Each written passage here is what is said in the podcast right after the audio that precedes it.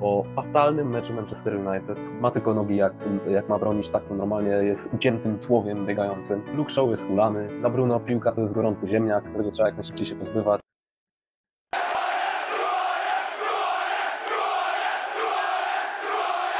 Dzień dobry wszystkim. Spotykamy się tutaj, co prawda, w okrojonym gronie, ponieważ nie ma z nami Mateusza, który wyjechał y, do Chorwacji po pierwszej kolejce Premier League, ponieważ zobaczył, jak Aleksander Mitrowicz niszczy jego zespół. Ale no cóż, spotykamy się, by omówić y, wydarzenia, jakie zobaczyliśmy na angielskich boiskach Premier League w pierwszej kolejce na nowej platformie Viaplay. Jest ze mną Kasper Urbański. Witam Państwa bardzo serdecznie. Maksymilian Sykulski. Dzień dobry Państwu. Tak, i również jestem ja, Przemysław Polański. Zanim zaczniemy omawiać wydarzenia, to dziękujemy Wam za odbiór naszego pierwszego filmu, za wszystkie lajki i komentarze pod y, naszym y, fanpage'em oraz liczymy na dalszą aktywność z Waszej strony na naszych socialach. Myślę, że możemy przejść od razu do meczu inauguracyjnego rozgrywek Premier League, który odbył się na Selhurst Park, w którym e, Arsenal wygrał 2-0 z Crystal Palace. I był to również pierwszy mecz, e, który mogliśmy podziwiać już, tak jak wspominaliśmy, na antenie Viaplay, gdzie no moim zdaniem mm, generalna cała otoczka była dość bardzo fajnie przedstawiona. Nie wiem, co o tym sądzą inni. Znaczy ja się na pewno zgodzę z tym, że y, otoczka Viaplaya była bardzo dobra. Taką mocną ósemkę bym im dał nawet. Mm, też mogło to być spowodowane tym, że my z Maxem oglądaliśmy ten mecz y, na wyjeździe, na Mazurach, na telefonie, zatem dosyć pionierskie warunki. Mm, no ale no mimo wszystko nie. Jakby nie Y, było źle. Y, no i też myślę dlatego, że jednak ja i Kacper w zeszłym roku oglądaliśmy też Premier League na Kanal Plus Online, więc też mamy takie porównanie w sumie jak było na tamtej platformie. No ale myślę, że jeśli nie będzie problemów, no to wypadło to bardzo przyjaźnie, myślę, dla wszystkich użytkowników. Tak, co prawda y, późniejsze problemy organizacyjne wystąpiły w innych dniach, o których też y, wspomniemy, wspomnimy później, na przykład przy okazji y, meczów, które miały pojawić się rzekomo w multilidze, ale może teraz skupimy się na samym meczu i no moim zdaniem Arsenal wypadł dość taki sposób ciekawy, ale zachowawczy na, na pewno, ponieważ nie wiedzieliśmy jeszcze takiego takiej ofensywnej gry od pierwszej do 90 minuty, którą no, widzieliśmy na pewno w meczach przedsezonowych. Jednak była widoczna ta zachowawczość po strzeleniu pierwszej bramki. Mm, Znaczy tak, ja na pewno się zgodzę z tym, że stosunkowo Arsenal, mimo że zaczął z przytupem mecz, to z czasem zaczął powoli opadać z sił, albo ewentualnie też hamować trochę ten mecz, co nie zmienia faktu, że momenty, które były y, bardzo dobre, tak na przykład jak na samym początku meczu, kiedy Gabriel Jesus nawet nie spodziewając w ogóle chyba sam siebie, przeszedł obronę Crystal Palace jak pachołki. No szkoda, że to nie wpadło wtedy też. Były też takie bardzo bliskie sytuacje, jak na przykład Martin Odegaard, który zabawił się w Ozila i zamiast po prostu strzelać na bramkę, szukał podania przy 5 metrach. Więc y, do te momenty Arsenalu na początku meczu na pewno były dobre. Gorzej z późniejszym czasem, ponieważ Crystal Palace pod koniec pierwszej połowy i na początku drugiej bardzo zaczęło dominować. No i mimo wszystko wydaje mi się, że ten mecz można zaliczyć do dobrych w wykonaniu Arsenalu, ponieważ jeżeli byśmy mieli do czynienia ze starym Arsenalem, to tego naporu e, Crystal Palace by nie wytrzymali, na pewno by nie wytrzymali. Pozdrawiamy tutaj wszystkich obrońców dawnych Arsenalu, Mustafi, Sokratis, Dawid Luiz, pamiętamy? Właśnie, gdzie, gdzie te pochwały dla Saliby? Ja czekam cały czas. Yy, tak, tak, tak, to, to, to za chwilę. No, no i jeszcze przechodząc do tego podsumowania na koniec końców, bramka na 2-0, co prawda taka bardzo szczęśliwa, też dzięki Markowi Guechi, który sam sobie wpakował bramkę. Yy, tak, no i przechodząc właśnie do zawodników, których ja bym wyróżnił, no to tak jak Przemek tutaj powiedziałeś, no nie da się ukryć tego, że William Saliba jest wielki, nawiązuję do poprzedniego odcinka i na pewno pokazał to, że można powiedzieć, miałem rację, że będzie to super wzmocnienie. Mam nadzieję, że nie opadnie z. nie siądzie na laurach. Naprawdę ten występ był bardzo imponujący. Został nagrodzony y, zawodnikiem meczu. Mm, skuteczność podań bodajże była na poziomie nawet 95%, więc to stosunkowo bardzo dobre. Y, wiele pojedynków było wygranych, między innymi zapadł mi w pamięć ten, który został co prawda przerwany przez faul Tomasa Parteja, ale naprawdę po prostu jak Saliba wjechał i skosił piłkę od Zachy, to było coś pięknego. Więc naprawdę czekam na więcej i mam nadzieję, że tych występów wielkiego Saliby, wielkich występów wielkiego Saliby będzie jeszcze więcej. Z piłkarzy, których już Kasper wyróżnił, ja bym chciał na przykład dodać nazwiska pewne z Palas, na przykład y, Joachimu Andersena, który wykazywał się fantastycznymi, długimi podaniami, mm, dzięki którym tak naprawdę Palas mogło jakiekolwiek akcje zaczynać, ale tam, gdzie masz Joachima Andersena, tam również możesz mieć po raz y, szósty czy siódmy już y, na start sezonu Jordana Aju na prawym skrzydle, który w sumie nie wiem, czemu on y, y, gra jeszcze w podstawowym składzie, ale no jakoś, jakoś przeżył i żyje dalej. Jordan Ayu to jest po prostu ewenement, chłop. Jedyne chyba co ma, to ma gigantyczną wytrzymałość, co było widać po tym, jak Zinchenko zaczął nie domagać po prostu, a Ayu leciał i leciał dalej. No tutaj y, ja bym się zgodził, że Arsenal w pierwszej połowie rzeczywiście ta piłka, y, ta gra Arsenalu wyglądała fajnie, ofensywnie. E, no w ogóle ta akcja Gabriela Jezusa, co tam przedryblował kilku zawodników Crystal Palace w, polu karnym y, i prawie, prawie no udało mu się strzelić, no e, to naprawdę te akcje na początku robiły wrażenie, no ale w drugiej połowie no wydawało mi się, że właśnie no nie zauważyłem wielkiej poprawy w porównaniu do zeszłego sezonu, bo to był dla mnie właśnie taki stary, dobry Arsenal, który w pierwszej, y, w pierwszej połowie wygląda bardzo dobrze. Wydaje się, że super grają y, kombinacyjną piłkę, tutaj wymienność pozycji, podań, jakieś dośrodkowania, e, każdy zawodnik jakoś się pokazuje, a no w drugiej połowie no to, to była totalna dominacja Crystal Palace i tak naprawdę no przy, przypadek sprawił, że, że Arsenalowi udało się strzelić tego drugiego gola na, pod sam koniec meczu. No i też myślę, że to bardziej też wynikało z tego, że no jednak Crystal Palace wygląda trochę gorzej, jeśli chodzi o kadrę w porównaniu z zeszłym sezonem. No bo na przykład nie ma już Conora Gallaghera, który jednak był no, jedną z głównych postaci e, w zeszłym sezonie w Crystal Palace. Tak więc to myślę, że no na pewno są rzeczy, które, które jakby mogą napawać optymizmem, tak jak na przykład y, Zinchenko, tak jak wyglądał w pierwszej połowie, w końcu też zanotował asystę. E, no to wyglądał bardzo fajnie, ale no, no jednak myślę, że nadal jest dużo do, do zrobienia, no bo mówię, no ta druga połowa to, to nie wyglądała najlepiej. No to prawda, chociaż y, można też powiedzieć, że Arsenal trochę postrzelał z przypadku, a dwie okazje, gdzie powinny paść bramki, czyli e, patelnia, jaką miał Martinelli już tam w pierwszych minutach meczu oraz y, okazja Odegarda, gdzie było widać, że ten chłopak jest y, jednonożnym piłkarzem, to, no to były takie patelnie, że, że no ja, ja byłem zdziwiony, że tam, że to bramki nie były. Crystal Palace też miał takie okazje, jak chociażby właśnie ta y, jeden na jeden Eze, gdzie był to masakrycznie słaby strzał, który poszedł prosto w Ramsdale'a, ale myślę, że Arsenal y, zdał taki test y, mm, takiego dość pewnego, bo bym powiedział, że to było kontrolowane zwycięstwo, oni po prostu jeszcze jakoś nie, nie imponowali, ale no były to na pewno ważne trzy punkty na starcie na niełatwym terenie.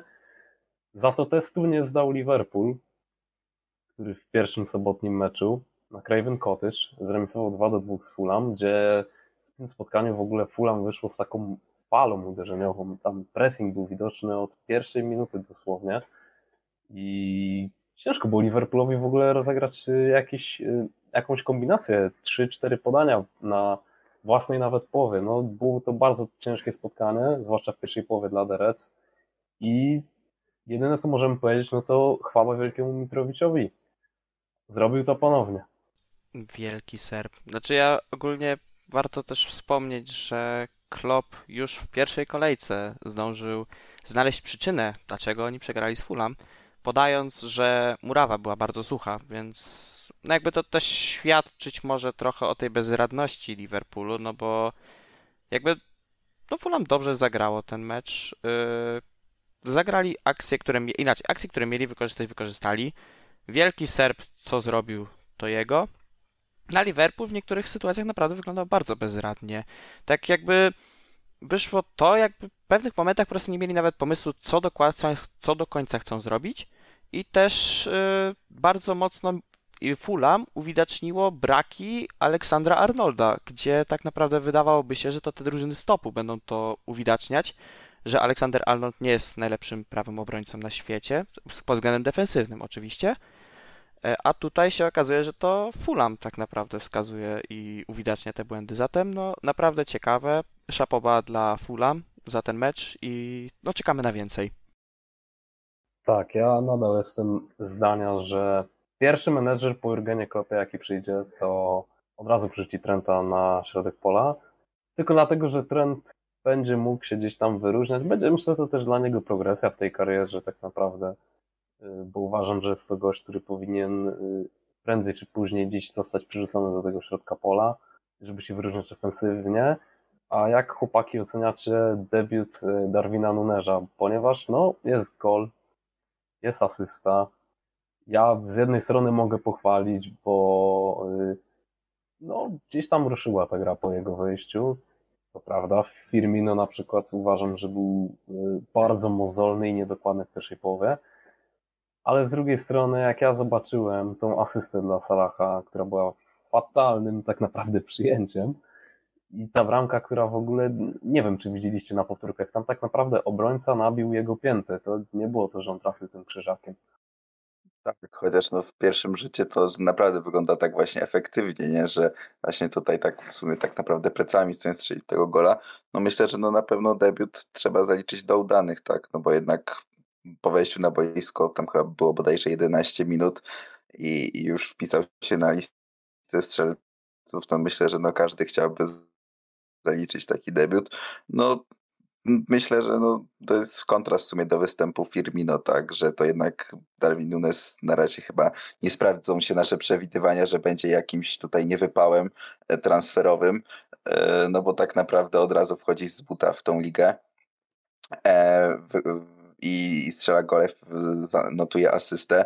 E, tak więc no myślę, że no pod tym kątem nie, zdzi nie, zdziwi nie zdziwiłbym się, gdybym zobaczył go w wyjściowej 11 na mecz Crystal Palace, no bo przy kontuzji Rzoty tak naprawdę to jest mus, a jeszcze tak, patrząc na to, że Liverpool stracił punkty no, no z Beniaminkiem, gdzie zwykle no nie mieli większych problemów w poprzednich latach, żeby wygrywać na Craven Cottage, to, to myślę, że to jest no, zawodnik do pierwszej jedenastki od następnego meczu. Ale nie martw się, z Murawą na Anfield jest wszystko ok, więc pewnie wygrałem. No, wiadomo. I nie będą grali o 13.30. Chociaż wtedy Swoją... Klopp powie, że nie wiem, że kibice Crystal Palace byli bardzo głośno, w związku z czym nie mógł dać wskazówek czy coś. Znaczy nie, żebym wyhejtował Kloppa, aczkolwiek no, dosyć interesujące wymówki ma co do swoich przegranych. Ale swoją drogą to póki nie ma Mateusza, to chyba trochę za mil jesteśmy, więc... Yy ja bym bekę pokręcił z tego, jak wyglądał środek pola Liverpoolu, zwłaszcza po wejściu Milnera, że y, w 2022 oglądanie Milnera z Hendersonem to jest takie przetransportowanie się trochę do domu starców. Nie no, tak jakbyśmy oglądali sobie Brexit FC 11. Nie wiem, brakuje tylko Dawsona na środku obrony, Nobla jeszcze obok nich i weźmy, dajmy na przykład, y, no nie wiem, no powiedzmy tego, Harvey, nie Barnesa, tylko tego napastnika z Berni, Anglika. No chyba Barnes miał właśnie na imię. Ashley Barnes. No, dokładnie. No więc no to to naprawdę takie Brexit FC, y, którego za żadne skarby bym nie chciał oglądać już w Premier League, bo to są zamierzchłe czasy. No tak, no ale to też uwidacznia się to, co wielu osób uważa, czyli to, że po prostu od czasu Giniego Wijnalduma w Liverpoolu cały czas nie ma środkowego pomocnika, który godnie by go zastąpił. No to prawda, to prawda. Chociaż o ile się pośmiałem z Milnera, to nawet nie dał złej zmiany. Uważam, że Harvey Elliott dał fajną zmianę. Ale no brakuje tego środkowego pomocnika, a stracone dwa punkty już w pierwszej kolejce, no to to jest taki bym powiedział, w walce o mistrza z tak y, zdeterminowanym i zmienionym troszkę bym powiedział Manchester City, o czym zresztą później powiemy, no jest to taki dzwonek alarmowy. No i też y, Thiago szedł z kontuzją, więc tak naprawdę ich najlepszy pomocnik już jest kontuzjowany po pierwszym meczu, więc to już w ogóle jest wielka strata y, po pierwszej kolejce. E, więc tym bardziej no, okienko jeszcze jest otwarte. Może jednak klub zmieni zdanie i pomyśli, że może jednak warto kogoś kupić na tą pozycję. Myślę, że to będzie y, kwestia kupienia Juda Bellingama w przyszłym roku i Liverpool pewnie będzie się dość mocno starał o tego piłkarza.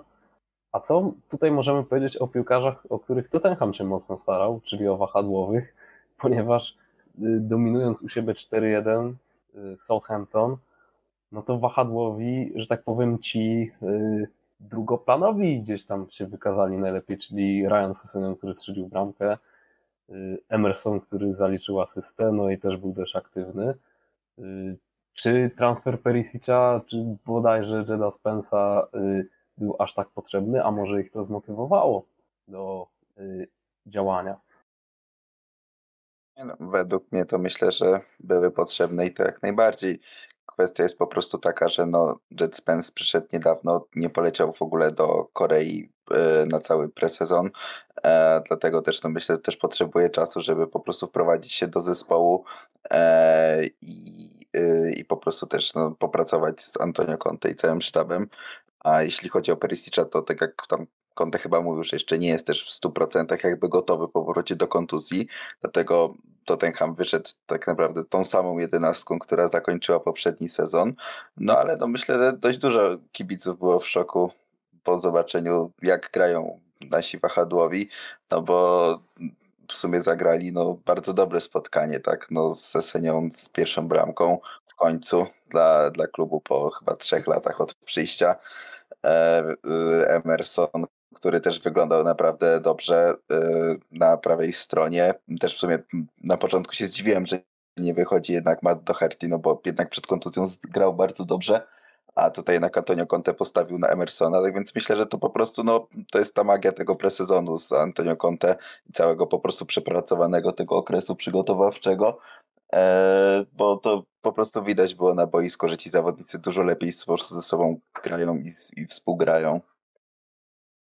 Tak, y, też bym powiedział, że dużym zaskoczeniem musiało być, zwłaszcza dla fanów fantazy Premier League, zobaczenie czterech goli w Tottenhamie i tego, że y, nikt z duetu Son i Kane y, żadnego nie strzelił. Zwłaszcza posiadaczy Kane'a gdzieś to na pewno zabolało. Znaczy ja mogę Szczególnie, że powinien być karny.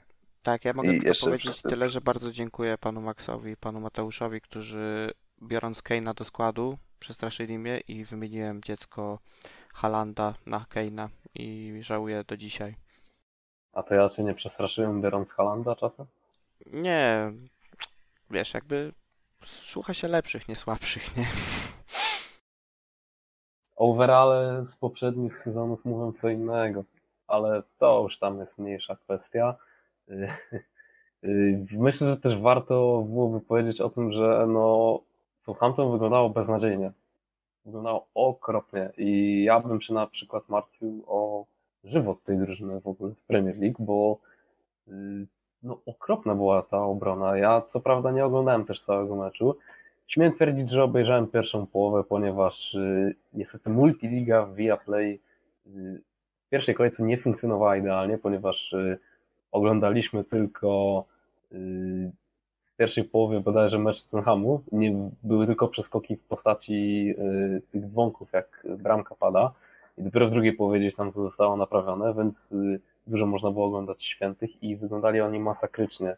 Y, niektóre z tych bramek, na przykład ta bramka Kulesewskiego, no to ja nie wiem, gdzie tam była obrona. Tam w ogóle nikt do gościa nie podchodzi w polu karnym. Czy ja też mogę no, powiedzieć... To w sumie trochę... A bo dobra, no Max, powiedz, a potem. Nie, no, no właśnie mówię, że to, to, to trochę właśnie to śmiesznie wy, wyglądało, bo w sumie Kulusewski no już kilka razy strzelał z takiego, e, z takiego jakby kąta, ale no myślę, że to była pierwsza sytuacja, żeby miał po prostu aż tyle miejsca e, w, w polu karnym, że móc oddać taki strzał. No na pewno też, też no to, to jak wyglądał South, yy, też, też myślę, że takim sprawdzianem będzie po prostu następny yy, mecz z Chelsea, no bo tak jak powiedziałeś Przemek, to ten Southampton wyglądało fatalnie i to było też widać, no bo tak naprawdę tych goli Tottenham powinien mieć dużo więcej. Też ten jeden był nieuznany, bo z powodu spalonego zaraz na początku drugiej połowy. E, no ale no myślę, że wyglądało to naprawdę fajnie. Dobry taki mecz na rozpoczęcie, żeby wejść, wejść w sezon i, i po prostu na poważnych przeciwników, czy to rzeczywiście działa, czy nie. Tak, jeszcze chciałem właśnie dodać odnośnie tego meczu Tottenham-Soton, który musiałem oglądać cały, ponieważ Multiliga w Viaplayu działa jak działa, y, że naprawdę to był bardzo dobry mecz Kulusewskiego, to trzeba mu oddać, to był bardzo dobry mecz wahadłowych. Tylko właśnie ciekawe jest to, że zawiódł i Kane i Son. Hojbjerg tak naprawdę podarował tą bramkę jedyną strzeloną przez Soton. I co prawda Tottenham wyglądał bardzo dobrze i było widać, że no są po prostu poukładani przez tego kątę. Aczkolwiek nie wiem, czy taki wynik by był przy cięższej drużynie, ponieważ no Soton, tak jak Przemek mówi, wyglądało beznadziejnie chyba taktyka transferowa na sprowadzanie szkółki City nie wypala. No nie wiem, może, może wypali za jakiś czas. No niemniej na razie nie przynosi to efektów. No ale no, no zobaczymy, jak to będzie wyglądać właśnie na tle Chelsea, bo to myślę, że będzie największy sprawdzian dla tej drużyny. Tak. Jeszcze jeśli mogę, mogę wspomnieć, to zapomniałem pochwalić jednego gracza, oprócz Kulusewskiego. Myślę, że naprawdę świetne spotkanie rozegrał Bentakur i to jak on po prostu poruszał się na boisku, jak rozprowadzał tą piłkę, to ja naprawdę byłem w szoku i uważam, że po prostu nie mogę doczekać się, aż on będzie współpracował z Bisumą, bo myślę, że to będzie taka, taka para na, na środek pola.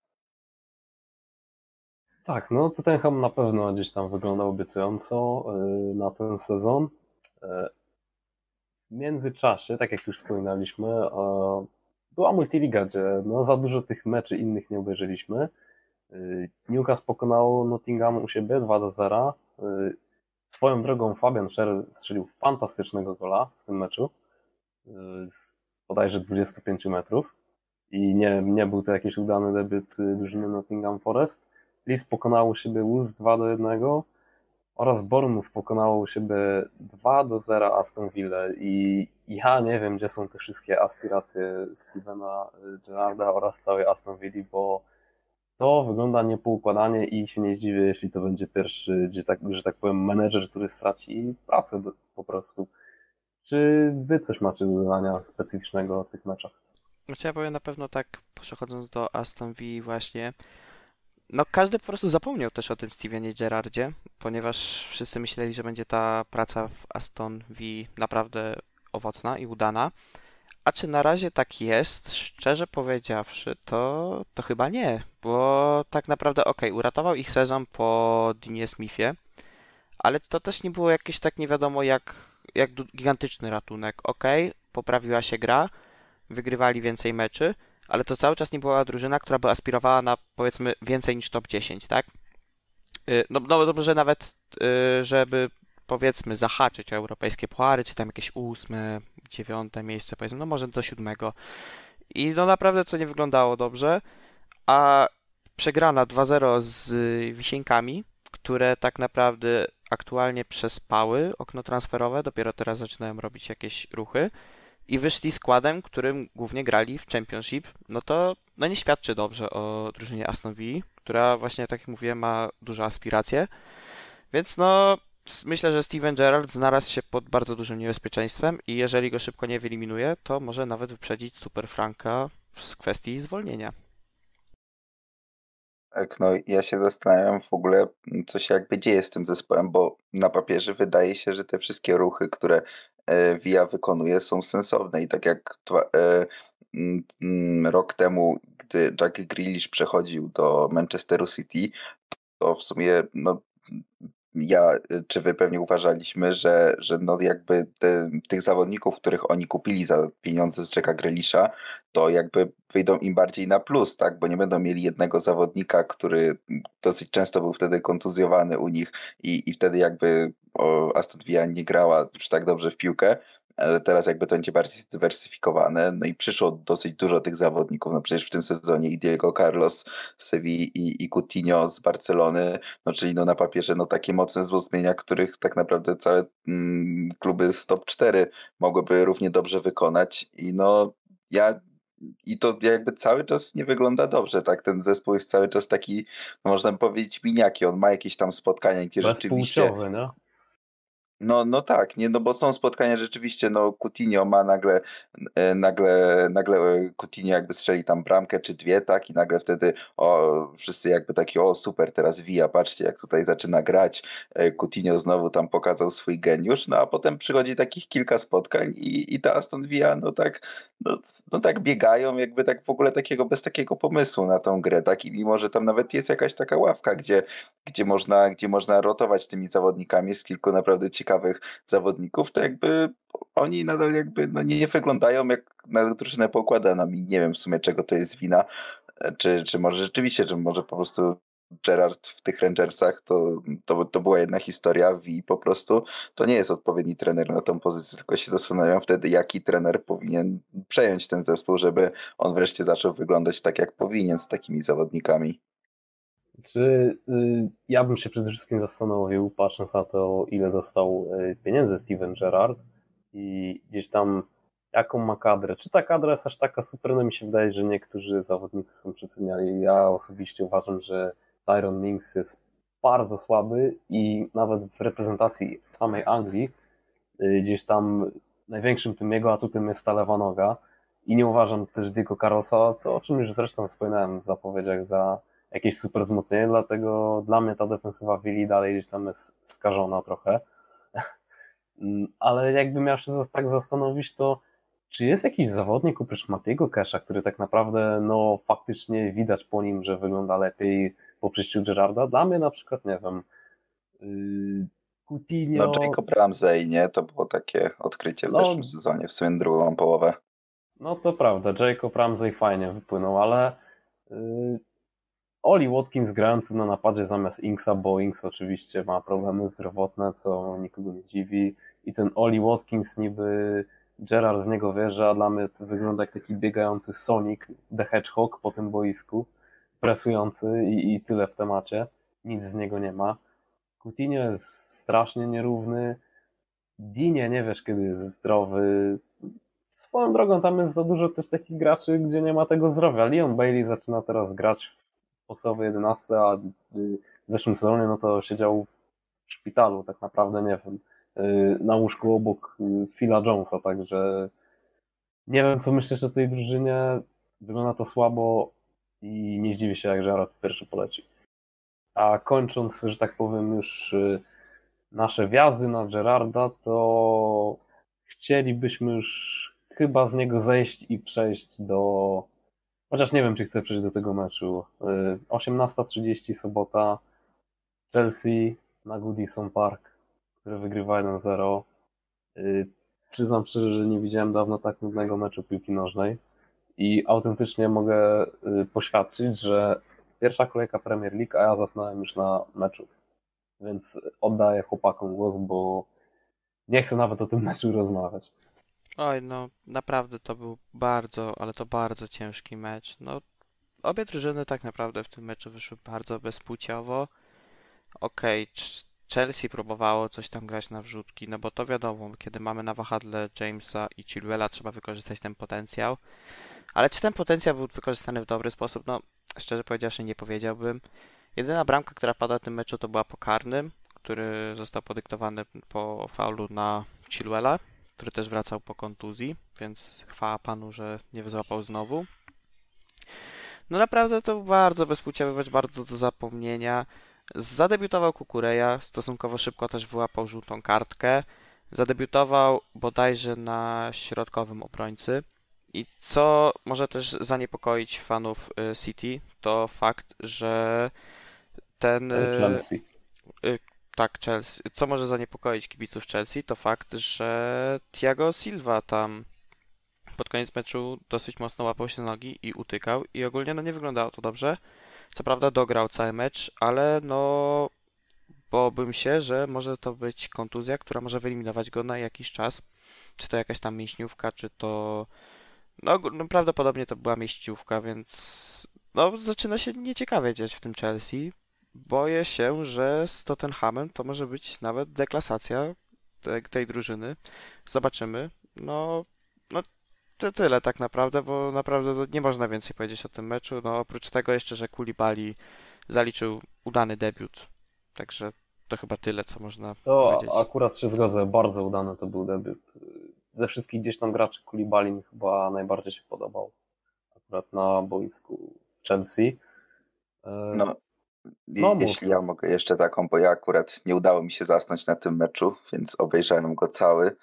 Eee, w sumie to był jakiś mecz rekordowy, bo z tego co widziałem, to Chelsea e, pobiło swój rekord rzutów rożnych w pierwszej połowie od czasów Antonio Conte. 13 rzutów rożnych w pierwszej połowie. Czasem to wyglądało jak zapętlone, bo po prostu Rhys James trzy razy wykonywał rożny, który po prostu bił w to samo miejsce i trzy razy był wybijany w ten sam sposób, więc czasem to śmiesznie się to oglądało. E, no ale tak, no na pewno nie wyglądało to za ciekawie. W sumie też no, nie było też nie było też żadnego takiego wymiernego zagrożenia ze strony Evertonu, to też nie można powiedzieć, że wyglądało to jak na przykład wracając do meczu Arsenalu z Crystal Palace, że jednak druga połowa była pod dyktando Crystal Palace, to jakby tam Chelsea cały czas miało wynik spotkania, y, przebieg spotkania pod kontrolą. Jedyne co tam Antony Gordon coś próbował wykonywać jakieś rajdy, E, no ale w przodu w sumie realizuje się to, co Przemek mówił w pierwszym odcinku, że po prostu Sterlingowy nie ma kto dograć i Sterling tak naprawdę musiał się cofać cały czas po tą piłkę e, dosyć daleko od pola karnego i tam ją odbierał, próbował paru zawodników przetryblować i na koniec skończyło się to po prostu stratą. No Havertz i Mount to, to po prostu tych, tych zawodników nie było w tym spotkaniu. To nie, nie widziałem żadnej, żadnej takiej klarownej akcji wyprowadzonej przez tych zawodników. E, Chilwell tak naprawdę, ten, ten karny, który walczył, to był tak naprawdę przypadek, bo cały mecz po prostu go był beznadziejny. Jedyne co to właśnie były wrzutki Risa Jamesa i, i na tym się opierała cała ta gra. No, a jeśli chodzi o obronę, no to rzeczywiście, no, Kulibali to w sumie zagrał spotkanie tak, jak już dobre kilka lat był w tym klubie. E, i naprawdę ten, w tym, tej trójce boku obrony Silva, Kulibali, Aspilicueta wygląda to naprawdę e, naprawdę solidnie, tylko no właśnie, no ci zawodnicy mają już swoje lata, są tak jak Diego Silva dosyć kontuzjogenni, e, tak jak Kasper mówi, że już tutaj Thiago Silva miał jakieś, miał jakieś problemy, więc no co, co będzie, jak to będzie wyglądało dalej, tak, bo w tym meczu to, to było fajnie, oni zagrali w trójkę, a co będzie jak nie będzie któregoś z tej trójki. Znaczy ja bym jeszcze powiedział, że nawiązując do tych rożnych Jamesa, wrzutek i ogólnie trzech tych samych identycznych rożnych, to Chelsea na pewno może się uczyć rzutów rożnych od Nottingham Forest, które w bardzo oryginalny sposób wykonało swój rzut rożny z Newcastle, co też możecie zobaczyć na naszym TikToku, na którego gorąco Was zapraszam. Tak, y, mecz Chelsea był y, wyjątkowo nudny i dla mnie już myślałem, że nie da się, nie da się y, mówić o czymkolwiek gorszym, ale jednak się da, bo teraz przejdziemy do wydarzeń y, niedzielnych z Old Trafford. Oczywiście Brighton pokonuje 2 do 1 Manchester United na, na ich terenie po fatalnym meczu Manchester United. Fatalnym, bo to tam tak naprawdę tylko jeden zawodnik może moim zdaniem wyjść z podniesioną głową, który może powiedzieć, że naprawdę zagrał dobry mecz, jest to Christian Eriksen, który i tak gdzieś tam... Ja myślałem, że Scott, kto innej powiesz. Scott McTominay to powinien z głową wchodzić do grat więziennych albo nie wiem gdzie jeszcze. Y, przede wszystkim nie w tym klubie. Swoją drogą to jest czwarty, z tego co widziałem nawet na Twitterze, to jest czwarty y, sezon, gdzie Scott McTominay y, zaczynał w podstawowej jedenastce Manchester United w pierwszym meczu biegowym i ja się zastanawiam, co się stało z moim klubem. Jak ktoś tak średni, który wygląda na poziom Championship, może regularnie zaczynać w, w tej drużynie? No, nie wiem, nie wiem, co tu się dzieje. Tak naprawdę możemy zjechać każdych zawodników, y, każdego z pojedynczo ten hak moim zdaniem też y, mm, o ile ten pomysł z Eriksenem nie uważam, że jest taki, nie, że był taki fatalny, no to wystawienie Freda na szóstce jako takiego piłkarza odbierającego pierwszy tą piłkę od obrońców, no troszkę nie miało prawa się udać i Graham Potter swoją drużynę mm, przygotował do tego meczu w taki sposób, że no, wyeksponowała na wszystkie słabości Manchester United. Harry Maguire, który nawet nie zagrał takiego fatalnego meczu i tak było widać, że jest wolny na tej piłce i się nie nadaje. Grając obok niego Martinez, nie powiedziałbym, że ten debiut był jakiś fatalny, ale też nie był imponujący. Widać przede wszystkim było między nimi, że nie są jeszcze zgrani ze sobą, ale no inni zawodnicy też za słabo. Za dużo było słabych występów pojedynczych. Dawid De Gea nie ma nóg, wszyscy o tym wiemy. Ma tylko nogi, jak, jak ma bronić, tak normalnie jest uciętym tłowiem biegającym. Luke Shaw jest ulany i będzie ulany i biega ulany po tej murawie. Y, Bruno, y, dla Bruno piłka to jest gorący ziemniak, którego trzeba jak najszybciej się pozbywać. Kasper się tutaj śmieje w tle, bo już y, nie może wytrzymać tych moich wjazdów na Manchester United, a to jest dopiero pierwsza kolejka, więc ja nie wiem, co to będzie, jak dojdziemy chociażby do kolejki 15. Znaczy ja powiem, że bardzo przyjemnie mi się słuchało tego roastu na każdego z tych piłkarzy United. Sam oglądałem ten mecz, oglądałem go z kibicem United widziałem ten żal w jego oczach, no to było przykre po prostu na to patrzeć. Tym bardziej przykre, że nabrałem się na to United w fanta kontekście fantazy, biorąc Jadona Sancho do składu. Nie wiem, co mnie podkusiło po to, żeby go brać. No, był to błąd, najmocniej przepraszam wszystkich, zwłaszcza siebie. Y, no, naprawdę to United nie wyglądało dobrze. Oni popełniali karygodne błędy, jeżeli chodzi o defensywę czy to też w wyprowadzaniu piłki tak naprawdę, bo otwierała się autostrada, na przykład przed y, Eriksen dostaje piłkę, jest super autostrada, tam chyba czterech zawodników przód jest czystych i tam dwóch obrońców Brighton. I to nie kończy się bramką, nie kończy się nawet dobrą akcją bramkową tak naprawdę, gdzie lustrzane odbicie tego, takiej akcji w Barcelonie, gdzie Frankie de Jong wyprowadza piłkę, to, to kończy się bramką, więc to jakby jest, jest duża różnica między tymi klubami. I... No bo Bruno Fernandes źle podał. A to Bruno Fernandes, tak. Przepraszam najmocniej, to tak, to Bruno Fernandes. No, no niemniej, no jest duża różnica, jest duża przepaść. Przyszedł nowy trener, a United cały czas te same demony ma. I czy to się zmieni w przyszłości? Mam nadzieję, że tak żeby moja predykcja sezonowa się sprawdziła, gdzie chyba też trochę już żałuję dania United tak wysoko. No niemniej, no naprawdę wyglądało to źle w pierwszej kolejce i nie zapowiada się na to, żeby tam była jakaś super rewolucja, bo też, okej, okay, no wszedł Malacza na drugą połowę, na końcówkę. Coś, co prawda, wniósł w tą, ten mecz, ale oprócz niego tak naprawdę no, nie ma kogoś, kto tam poprowadzi tą drużynę. Jest co prawda Cristiano Ronaldo, ale czy Cristiano Ronaldo jest zawodnikiem, który poprowadzi tą drużynę do przodu, a nie ściągnie na dno? Szczerze powiedziawszy, polemizowałbym. Zwłaszcza, że grając z Cristiano Ronaldo, ustawiasz grę nie pod system, który chce trener i nie pod system dla całej drużyny, a pod taki system, żeby Cristiano Ronaldo czuł się swobodnie. Więc no, zaczyna się powoli mocno palić pod Ten Hagiem Wątpię, że zostanie szybko zwolniony, ale wszystko jest możliwe w tym United, więc no zobaczymy, co przyniesie przyszłość.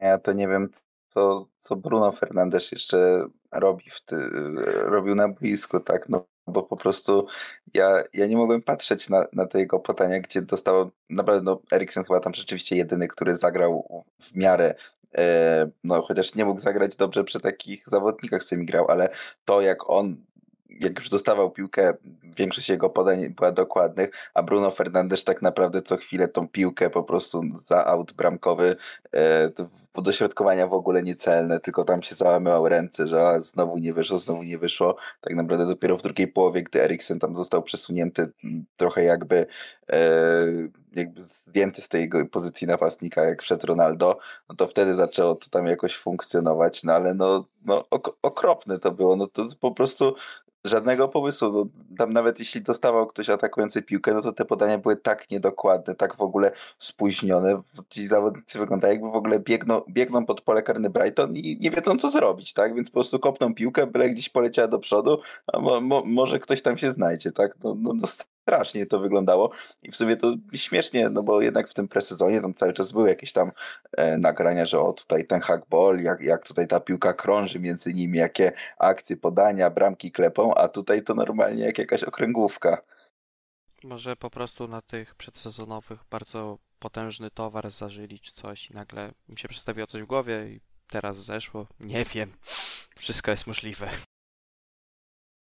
No, bym też powiedział, że e, widzieliśmy to, o co, że tak powiem, ja się już martwiłem przed sezonem, czyli wypada dosłownie jeden gracz i to gracz, który nawet nie był w poprzednim sezonie w Manchester United, bo pół roku spędził w Sewilli na okropnym wproszczeniu, czyli wypada Antony Martial.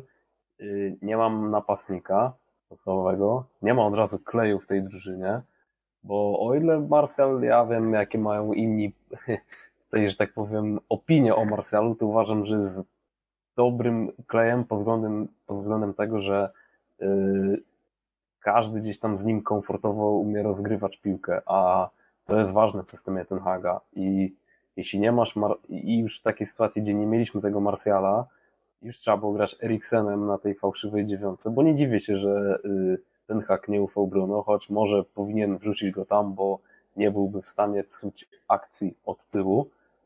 To musiał wyjść y, wspaniały duet McFred w środku pola, gdzie y, no, była tam masakryczna dziura. Fred na szóstce. Swoją drogą, fakt, że Manchester United jeszcze nie kupił y, defensywnego pomocnika i to nawet nie musiałby być jakiś mistrz szóstki, generał typu Rodri w Manchester City, tylko ktoś, kto faktycznie pasuje do systemu, to byśmy od razu inny obraz widzieli, bo tak jak możemy się śmiać nawet z Harry'ego Maguire'a, y, gra Harry'ego Maguire'a na pewno nie byłaby taka okropna, gdyby miał on lepszą protekcję od e, środka pola. No ale to tak wywołujesz, a tu widzisz już w zanadrzu tak naprawdę czeka Rabio, który już No tam jest tego- uzgodniony z Juventusem transfer, kwestia warunków ko- kontraktowych. No i będziesz miał super pomocnika, nie? Wraz z super menadżerką, czyli jego mamą. Nie jest to Rodri, nie, nie jest to topowy pomocnik, tak jak chciałeś, więc w sumie jest, powinieneś być zadowolony. Tak, gdzieś do tego chciałem dojść, że y, w poniedziałek, gdzie, że tak powiem, nagrywamy to nagranie, wyszły y, typowe takie, nie, nawet nie powiedział spekulacje, bo one były potwierdzone przez topowych y, dziennikarzy, że Manchester United rusza za Marko Arnautowiciem jako wzmocnienie na napad. Y, 30 chyba 3 albo 4-letnim Marko Arnautowiciem. Y, gdzie ostatnio pozbyliśmy się Cavaniego, ja powiem tak, jeśli Erik ten Hag go chce, bo ma z nim doświadczenie bodajże z Twente, z tego co pamiętam, Tak, w sezonie 2013 bodajże. To ja gdzieś tam na tyle nie będę narzekał y, na ten Haga, bo ja mu się nie dziwię patrząc na ten brak opcji z przodu, a Arnautowicz gdzieś tam y, ogranie w Premier League ma, to y, widać po tym transferze, że to jest po prostu brak jakiegokolwiek przygotowania ze strony klubu, gdzie, tak jak już powtarzałem na poprzednim odcinku, Ralf Rangnick polecał Juliana Alvareza w styczniu, gdzie był on do wyjęcia za 15 czy tam bodajże 20 milionów euro, a skończymy z Arnautowiciem, gdzie oddaliśmy starego Cavaniego, którego nikt nie chciał, bo był cały czas kontuzjowany. O Rabiocie w środku pola nawet nie chcę nic mówić, bo y, jeśli dla kogoś Pogba był toksyczny, to jeszcze nie widział y, Rabiota z jego matką. A Franki pójdzie pewnie do Chelsea, więc, więc koniec tego żalu na temat Manchesteru United. Czy jeszcze bym na że- koniec tylko dodał ewentualnie, że ciekawi mnie ta polityka United, które co jakiś czas sprowadza właśnie takich leśnych dziadków na napad. Czy to był właśnie Ibarbo, czy to Cavani, teraz Arnautowicz. No, ciekawa polityka transferowa w postaci sprowadzania takich doświadczonych napastników. Nie widzę, żeby to przyniosło korzyści, no ale no to tak, takie spostrzeżenia na koniec tylko w kwestii United. Tak, i oprócz, y, oprócz y, tego, że United grało swój mecz, to również grało o tej godzinie mecz swój Leicester City, który zemisował 2 do 2 z Brentford. Podejrzewam, że na ten mecz nikt nie spojrzał i gdzieś tam y, największą rzeczą, na którą wszyscy liczyli po tym, jak było 2-0, to że budżetowy bramkarz y, 4-milionowy Danny Ward y, zaliczy czyste konto. Nie udało się, bo jak wiemy defensywa Leicester jest dalej masakryczna. A ostatnim meczem w tej kolejce było spotkanie na London Stadium, gdzie West Ham City, podejm- West Ham United, przepraszam, podejmował Manchester City. I no Manchester City nie zagrał nawet fantastycznego meczu, ale kontrolował wszystko.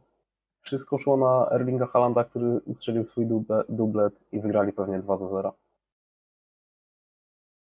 No jakby City zagrało na miarę aktualnego mistrza Anglii, zdominowali grę, jak to mają w zwyczaju.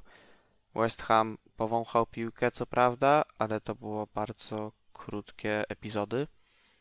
No, totalnie zdominowało City tak naprawdę grę. Właśnie z kapitalnej strony pokazał się Erling Haaland. Widać, że wpasował się bardzo dobrze do y, drużyny Pepa Guardioli. Y, Rodri też zagrał bardzo świetne spotkanie. Teraz pewnie Przemek się cieszy, ponieważ też jest gigantycznym fanem umiejętności Rodriego, a mało osób w sumie też zauważa, że Rodri jest tak dobrym piłkarzem. Y, no ale oczywiście też jak są zawodnicy, którzy naprawdę wyróżniali się w tym meczu, są też tacy zawodnicy, którzy moim zdaniem zawiedli. Na przykład Gündogan uważam, że powinien ten mecz zakończyć z bramką lub asystą. I no, zdecydowanie większe korzyści powinien przynosić drużynie, a jednak na przykład jeżeli coś się chrzaniło w ataku, to bardzo często było to spowodowane jakimś błędem Gündogana, czy to złym podaniem, czy to wywróceniem się, no czy po prostu złą decyzją, czy strzelać, czy nie. A drugą opcją, no to myślę, że Cancelo, chociaż co prawda miał wysoki poziom i no typowo dla Cancelo nie trzymał się jakoś mocno tej lewej strony, tylko schodził do środka pola, ale nie przynosiło to wymiernych korzyści. No i skończył mecz z żółtą kartką po pokazaniu y, gestu lornetki do sędziego. Typowo dla Cancelo, z żółtą kartką. Więc tak, więc typowo dla Cancelo. Y, nie fajnie dla graczy FPL-a, bo mamy mi punkt minusowy na Cancelo, więc, więc no tak to po prostu wygląda. No, no nie wiem, no mecz bardzo udany dla City i myślę, że Wisienki mają się czego bać przed następną kolejką. I ci, którzy nie mają Halanda. Oj, to na przykład ja i Kac, a nie, Kacper już ma, ja jeszcze nie mam. No, ale wracając, to, to myślę, że no City y, no, miało to, to spotkanie pod kontrolą i w sumie się bardziej zastanawiam, czy to City zagrało takie super spotkanie, czy jednak West Ham bardzo słabe, bo to, to, że, to że jakby City kontroluje y, przebieg spotkania i, i ma większe posiadanie, tak wszyscy wiedzą, ale no ja sobie nie przypominam w sumie nawet takiej żadnej poza jakimś tam jednym rajdem e, Bowena pierwszej połowie, to West Ham tak naprawdę był strasznie taki nijaki, bezpłciowy w, w tym meczu. No pierwszy gol tak naprawdę no, to Areola to zawalił na całej linii z tym faulem. E, no, no ciężko, ciężko im powiedzieć, no ani nie mieli żadnych takich kontr, ani żadnych wrzutek, E, bo, bo, nikt tam w sumie nie grał tak super jak przed Skamaka, to tak samo no, próbowali coś tam mu dokrywać, ale to było wszystko takie nijakie. I no, nie wiem, no też, też bym myślę był trochę też ostrożny w tej ocenie tej gry City, bo zagrali co prawda mega spotkanie, ale myślę, że też West Ham był dosyć, dosyć mizerny w tym meczu i tak naprawdę ich nie stworzył żadnego zagrożenia. I to było takie wygrane 2-0, tak na spokojnie. W sumie nawet też nikt nie miał żadnej takiej okazji oprócz Halanda, a City też nie miało. W sumie City nie miało jakiejś mega dużej liczby strzałów na bramkę, więc to też nie było takie, że zagrali, zagrali świetne spotkania. Tak, no ten mecz można po prostu skomentować yy, dwoma słowami, czyli Erling Haaland, wielki Haaland. Yy, wszystko było grane tak naprawdę na niego, było widać tą zdecydowaną zmianę taktyczną y, myśli szkoleniowej Pepa Guardioli. Swoją drogą ciekawi mnie, jak to wyjdzie, bo to takie no, po, że tak powiem, tej próbie ogrania Zlatana Ibrahimowicza w Barcelonie, która no, to, to już było bardzo dawno temu, prawie 15 lat temu. Mam chyba po raz pierwszy taką sytuację y, gdzie Pep ściąga naprawdę napastnika za ogromne pieniądze i próbuje ułożyć grę wokół niego, gdzie dowiedzieliśmy te City przez ostatnie parę lat grających na fałszywą dziewiątkę. Może nie parę lat, ale takie półtorej roku, bo Aguero gdzieś tam już kontuzję łapał. No i myślę, że będzie ciekawe śledzenie dalej ich poczynań. Jeśli Haalandowi dopisze zdrowie, no to jest to poważny kandydat o koronę króla strzelców. Tak jak City o Mistrzostwo Anglii, które no już teraz ma, że tak powiem, e, zaliczyło dobry ten start przed Liverpoolem. Chyba, że Max uważa, że to ten Ham wygra mistrza, bo jest pierwszy w tabeli po pierwszej kolejce. No, zobaczymy po meczu w Chelsea. Myślę, że, że mecz z Chelsea to będzie taki wyznacznik tych, tego, jak, jak, jak można, jak można, tak, wiem, że tutaj wszyscy się zaśmieją. Ja, ja jestem ostrożny w, w, w takiej predykcji, ale tak jak mówię, no poczekam na ten mecz z Chelsea. Pewnie on się zakończy jakimś albo beznadziejnym remisem, albo przegraną, bo ten Hamowi na Stamford Bridge nigdy nie idzie. Ale no zobaczymy. No może właśnie to będzie taki, taki wyznacznik tego, o co tak naprawdę walczymy w tym sezonie. Tak, i chyba ten mecz możemy określić mianem e, hitu nadchodzącej kolejki. E, dobrze, myślę, że na sam koniec możemy opowiedzieć trochę o naszych składach fantazy Premier League, jak one przeszły przez pierwszą kolejkę. Zacznę od siebie. Y, I u mnie y, poszliśmy w klasyczną formację 4-4-2 z dość bym powiedział biedną ławką, z wstawianiem tego danego Warda, y, który gra za te 4 miliony. Wystąpiło w moim składzie, dał jeden punkcik. Obrona troszkę zawiodła, ponieważ podwojony Liverpool po jednym punkcie Trent oraz Robertson. Tripper z Cancelo po 7 punktów. Y, myślę, że nawet gdzieś tam mogło być więcej, bo z tego co jak śledziłem skróty spotkania, to Tripper był dość, Tripper był dość aktywny. Leon Bailey dwa punkty, ale jest to budżetowy pik, spoko. Salah na kapitanie, to nigdy nie wątpiliśmy, chociaż powiem szczerze, te 12 punktów, co zdobył, łącznie 24 na opasy, no to więcej niż y, można by było, że tak powiem, powiedzieć, że więcej niż zasłużył w tym meczu, moim zdaniem, ale no tak często z Salahem. Gabriel Martinelli fajne 8 punktów dołożył, strzelając tą bramkę z główki, gdzie to tam Guaita w sumie jakieś miał y, ręce ze spaghetti, można tak powiedzieć. E, Jezus, który zblankował i zawiódł chyba wszystkich graczy fantazy Premier League y, obecnych na ziemi i Erling Haaland, który zdobył 13 punktów. Czy będę robił jakiś transfer? No, Mason Mount troszkę mm, bym powiedział mnie zawiódł i to nawet nie tyle tymi trzema, trzema punktami, bo nie oczekiwałem jakichś y, super wyników od niego, ale no bardzo słabo wyglądał, słabo wyglądała Chelsea w ofensywie i Gdzieś tam może będę rozważał tę podmiankę, ale myślę, że bez transferu raczej się obejdzie w drugiej kolejce. Nie, no to jak ja mam powiedzieć o swoim fantazy, to yy, nieważne jak zaczniesz, właśnie jak kończysz, była to fatalna kolejka w moim wykonaniu. Yy, głównie przez trzech impostorów w moim składzie, czyli Harry Kane, Jadon Sancho i Luis Diaz. Y, którzy wszyscy zblankowali, zdobyli po dwa punkty. Y, ogólnie kolejkę skończyłem z 57 punktami. Tak jak mówiłem, na ostatnią chwilę, 10 minut chyba przed zamknięciem deadline'u, wymieniłem y, Halanda na Harry'ego Kane'a po przestraszeniu się Maxa i Mateusza. Nie wiedzieć czemu. No, no niemniej, no, był to błąd i już się naprawiłem ten błąd, sprowadzając wczoraj Lika Halanda. No a poza tym, no u mnie tak naprawdę oprócz Salaha punktowała tylko obrona, czyli Trippier, James, Cancelo. Alexander Arnold, no blank, to z jednym punktem. Ward, no szkoda gadać też jeden punkt, no ale nie będę płakał, skoro to jest bramkarz za 4 miliony. No i oprócz tego, tak jak Przemek tutaj budżetowy Bay, jak każdy gracz chodzący po ziemi, czyli Gabriel Jesus, no też dwa punkty. No jest co zmieniać, mówię, są trzech, jest trzech impostorów, których warto było się pozbyć. No ale to jest dopiero pierwsza kolejka. Zobaczymy, co przyniosą dalsze. Mam nadzieję, że może nagle Jadon Sancho sobie przypomni, jak się gra w piłkę, albo cały United sobie przypomni, jak się gra w piłkę. No zobaczymy.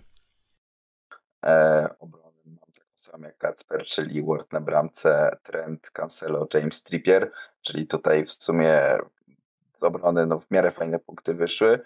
No ale jeśli chodzi o pomoc, to było już gorzej, no bo jeśli chodzi o Salaha na opasce i Bailey z dwoma punktami, no to w sumie tak jak można było się spodziewać, e, nie mam pretensji, no to tutaj od dwóch pozostałych pomocników e, jest gorzej, bo wziąłem Mounta do składu, który wyglądał w sumie okropnie i mam teraz zagwozdkę, co z nim zrobić, bo myślałem na początku, żeby podmienić go na drugą kolejkę za jakiegoś pomocnika City, e, czy to Fodena, czy Mareza, ale no nie jestem przekonany po tym meczu City, gdzie Haaland w sumie tylko on, a to, tylko do niego szły piłki, a drugim pomocnikiem był Grealish, który właśnie no, był pewnym startu, ale, ale no, no właśnie tylko Haaland tak naprawdę dostawał podania, więc no średnio to wygląda, jeśli chodzi o, o następną kolejkę, jeśli chodzi o punkty z tych pomocników. Na, na ataku Kane, Jesus tutaj też się zawiodłem, no i mam dosyć dużą zagwozdkę, czy wymieniać Halanda, e, czy wymieniać Kane'a e, za Halanda, tak jak w sumie pewnie każdy by zrobił, ale no też są jakieś inne mm, ciekawe opcje, bo zaczynam też myśleć o Nunezie, skoro tak wyglądały jego te pierwsze minuty w Premier League. Moim zdaniem nie powinniście się zamartwiać, bo de facto cała kolejka to tylko źle wypadła, bo gdzieś tam Halanda nie wzięliście, więc yy, pierwsza kolejka z Was, widzów, jeśli też ktoś wziął Kena, y, nie wziął Halanda, no to no jest to ruch, który można odwrócić. No przede wszystkim wyniki w tej kolejce są zbliżone. Nie ma, z tego co pamiętam, pierwsza kolejka poprzedniego sezonu to 100 punktów było dość takie bardziej, y, bardziej typowym wynikiem, więc tutaj te rozbieżności są małe. Myślę, że nie ma co się martwić. Na pewno ten Haland wygląda jako taka ciekawa opaska y, na Bormów, bym powiedział najlepsza. Znaczy, no, nie wiem, czy się ze mną zgodzicie. Ja myślę, że jak najbardziej Haaland jest chyba najlepszą opcją na opaskę. Tylko dzisiaj dosłownie siedząc w pracy, zacząłem się zastanawiać, co jeżeli Pep odpali swoją słynną ruletę i nagle na wisienki wyjdzie po prostu Alvarez w pierwszym składzie. Więc no, jest małe ryzyko, chociaż wydaje mi się, że i tak Haaland zacznie, no ze względu na to, jak to też Przemek już zauważyłeś, że taktyka jest układana specjalnie pod Halanda. No mam nadzieję, że zacznie. No ja udało mi się w ogóle Halanda sprowadzić też przed wzrostem ceny i przed spadkiem Keina, za co chwała panu, że się zdecydowałem na szybką podmiankę. Y, no też liczę na to, że żadnemu innemu graczowi nie spadnie cena, zwłaszcza, bo z przerażeniem patrzę na Diaza i Jadona Sancho. No zobaczymy. No też właśnie tak jak mówiłeś, że po tej pierwszej kolejce naprawdę wyniki są stosunkowo bardzo zbliżone, no bo to mimo wszystko ten Haland zrobił tą różnicę największą tak naprawdę. Wszyscy gracze, których mieli, miała większość FPL-a, no to tak naprawdę bardzo zbliżenie punktowała z małą różnicą punktową, powiedzmy 3 do 2 punktów. Więc to wszystko jest możliwe tak naprawdę. Zobaczymy, jak to się będzie klarować w dalszej części sezonu. No na pewno też taką podstawą yy, myślę będzie szybkie zagranie wildcarda, zwłaszcza na to, że mamy tak naprawdę w tym sezonie trzy te wildcardy. No więc no zobaczymy. No. Tak, jest, jest, jest wiele rzeczy, które jeszcze się zadzieją w tym kolejnym, bym powiedział, niezwykłym sezonie. Y, pierwsza kolejka Premier League za nami na antenie Viaplay. Mm, było na pewno ciekawie. Widzimy się ponownie z Premier League w nadchodzący weekend, gdzie każdy gdzieś tam się z nas stęsknił. Liczymy też, że w przyszłym tygodniu już będziemy się widzieć w pełnym składzie. Jeszcze raz pozdrawiamy Mateusza, życzymy Ci udanych wakacji w Chorwacji. Dziękujemy Wam za wasze, e, Wasz udział, tak jak już wspomnieliśmy na początku, na naszych socialach i odwiedzajcie naszego TikToka, komentujcie nasze nagrania, e, śledźcie nasz Twitter, mm, Sprawdzajcie nasz fanpage, bo tam się najwięcej dzieje i liczymy właśnie na odzew z Waszej strony, tak jak już e, wspominaliśmy przy naszych filmach. Z mojej strony to tyle. Dziękuję. Do widzenia. Dziękuję. Do zobaczenia. Dzięki. Trzymajcie się ciepło.